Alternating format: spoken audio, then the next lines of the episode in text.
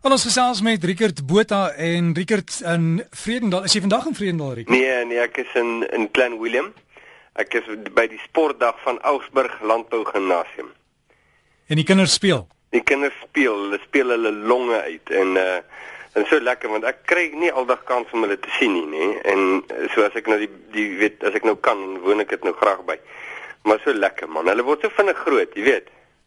Ja, te vinnig, Rickert. Mm. Hm. Rickert, ek wil vandag gesels oor afguns. Dit dit is vir my asof dit 'n groot probleem is in in veral Suid-Afrika. Jy kry dit in ander lande ook, maar hier by ons, weet jy, mense gun ander mense net mooi. Wat jy woord boggerol. ja, of uh, of jy kon net gesê niks nie. Ja. maar dis baie sterk. Weet jy, nou dat jy die woord sê, uh, daai woord het 'n ding altyd wat dit by my losmaak en dit is Uh in die Bybel staan 'n vers, hoor hier. Dit is ongelooflik. Daar staan waar daar afguns en selfsug is, is daar wanorde en allerlei gemeene dade. En en die persoon wat dit geskryf het, sy naam was Jakobus en hy skryf dit toe aan 'n aan 'n klomp Christene wat dit in hulle geleedere het. Jy sien. Toe sê hy vir hulle maar dis nie die wysheid van bo nie, dis aards natuurlik en duiwels en dan sê hy maar as ek uit God se lewe lewe dan lewe ek met die wysheid van bo. Jy weet wat dan nou vriendelik en vredelewend en rein en geseglik en so aan is. So dis vir my 'n snaakse ding as ek in 'n vergadering sit en ek sê dit nou maar oral jy weet en daar begin allerlei gemeene dade en gemeene want volwassenes kan ongelooflik gemeen raak soos kinders maar nou net in die oortreffende trap as jy 'n uh, gemeene dade kry, dan moet jy maar grou die kans dat jy gaan afguns daar kry tussen hierdie klomp uh, volwassenes nou. Alles het 'n kerkraad vergadering is baie baie goed. En uh, en jy weet veral vir disippels van Jesus, uh, vir die wêreld kan nie help nie. Afguns is die ding waarin hulle lewe. Hulle hulle kan nie anders nie. Maar jy weet vir mense wat by God is en wat die verlossing het om daarvan vry te kom, hoef nie met afguns te lewe nie. So as as jy dit opspoor tussen disippels om te sê, luister ouens, ek dink hierso is afguns hier tussen ons. Ons gun mekaar niks nie. Die een wil belangriker wees as die ander een of die een voel minderwaardig uh, as gevolg van die ander een se seëninge en al sulke kleinlike onvolwasse nonsens. Dan is dit belangrik om, jy weet, daai goed te erken en in die lig te bring want dit kan verhoudinge ongelooflik skade berokken. En ek dink dit is belangrik om hierdie goed te verstaan en meer aandag aan hierdie karaktereienskappe te gee, byvoorbeeld as die punte op 'n agenda wanneer dit kom by 'n vergadering. So hierdie is nie klein nie, dis groot en mense kom later op 'n plek, hulle verrot so van binne dat hulle dink niks daarvan om die mees liefdelose dade aan ander mense te doen en dan voel hulle binne geregverdig. Hulle voel hulle kan want wat nou ook al hulle rede is, maar dis wat afguns doen. So dis 'n onsaglike kanker van die siel. Uh jy weet wat regtig mense verwoes. Rickert iemand het ook vroeër 'n SMS gestuur om te sê moet jy net vra, jy weet die hele ding van baie belangrike persone, die die die sterre, of dit nou sportsterre, televisiesterre wat wat ons in in sinema in Suid-Afrika het, wat dan die voorbeeld stel van hulle is baie beter as ander mense. Dat die mense wat hulle volg, glo jy kan op enigiemand trap om bo uit te kom. Ja, dis 'n uh, eh, dis aklig, jy weet ek, ek kyk, weet jy Derek, as ek nou vir jou moet eerlik sê, nê. Nee, werk dit so. Ehm um, sommer so nou uit my eie hart uit is jy dink nie om op iemand te trap is verkeerd nie, veral as dit jou gaan oplig nie. So jy trap, jy trap is heerlik, jy trap op mense en jy regverdig, jy voel dit ja, maar hy sou in elk geval nie bo uitgekom het nie en en dis net maar hoe die lewe is en dis vir jou heel gaaf en goed tot die dag wat iemand op jou trap. En dis altyd vir my koslik om te sien. Jy weet ouens dink niks daarvan om liefdeloos te wees nie totdat iemand met hulle liefdeloos is en skielik is dit verskriklik verkeerd. Skielik is dit die onding, jy kan dit nie glo nie.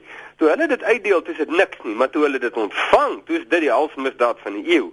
En en ek dink die tong tippie toets altyd met enigiets wat jy dink, doen of sê.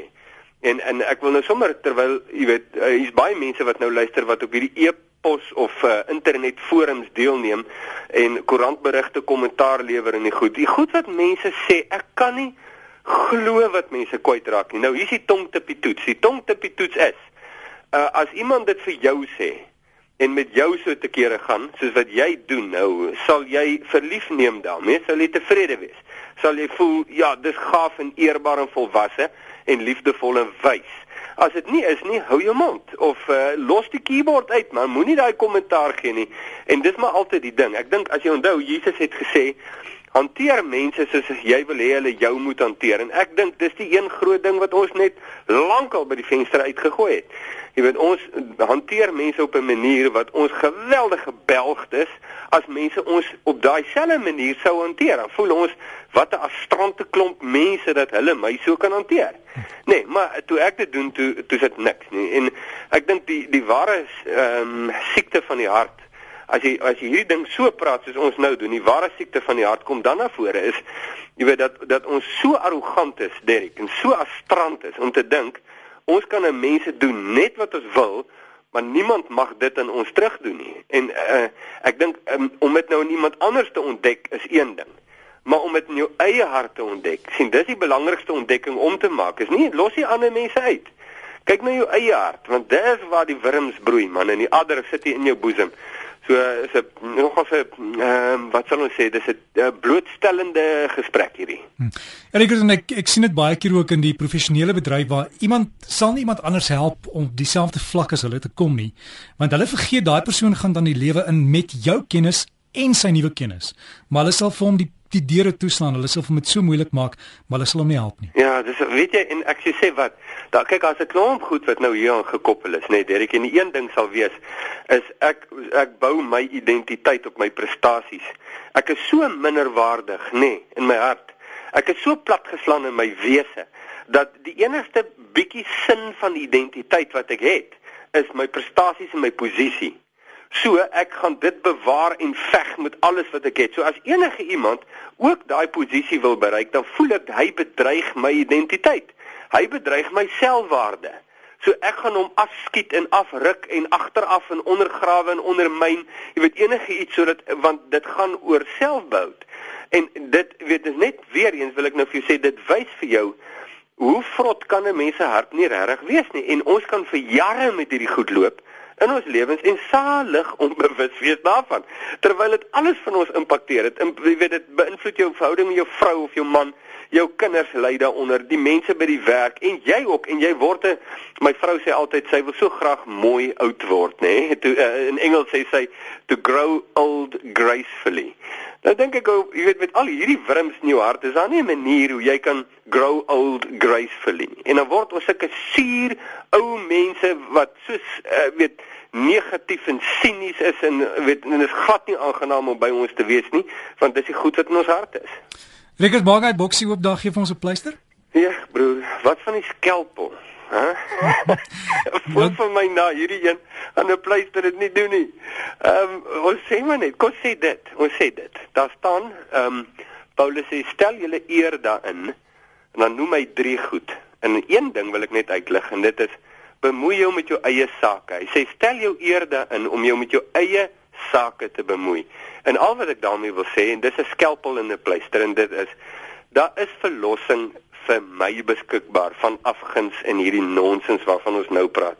En uh, as jy jou hart oopmaak en God toelaat om hierdie operasie uit te voer, kan hy dit op jou doen en jy kan leer om liefdevolle, volwasse verhoudings te handhaaf. Andersins onmoontlik. Met God absoluut moontlik.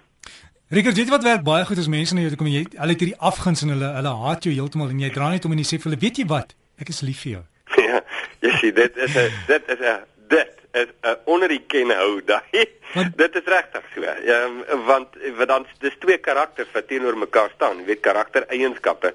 En uh, ja, dis 'n dis 'n diep hou daai. Dis net nie aldag so maklik nie, want ons wil mos onsself handhaaf. Jy verstaan as jy nou te nagekom het, wil jy dan ook die laaste sê inkry. Uh, maar 'n baie wyse ding wat jy nou praat. Ja, oog vir oog Rickert. Lelike ding daai. Rickert, waar kry mense jou? Uh op Facebook, maar die beste. Ehm um, uh, die bladsy naam is in Jesus se voetspore. En uh jy doen maar die Facebook ding. Jy gaan op die blad en druk jy die like knoppie en dan dan sien deel daarvan. Ons sê Rickert, ek sien die skeieregter wag daar vir jou. Hy wil verder speel. dat jy langs die veld kan kom staan en skree. Alles van die beste. Ons sal weer gesels. Dankie Derek, lekker naweek vir jou ook. Selfde dankie Rickert Botha daar van uh, Vredendal en jy kan hom kry op Facebook in Jesus se voetspore en jy kan ook die gesprek weer as 'n pot gooi in die komende week op RSG se webtuiste luister.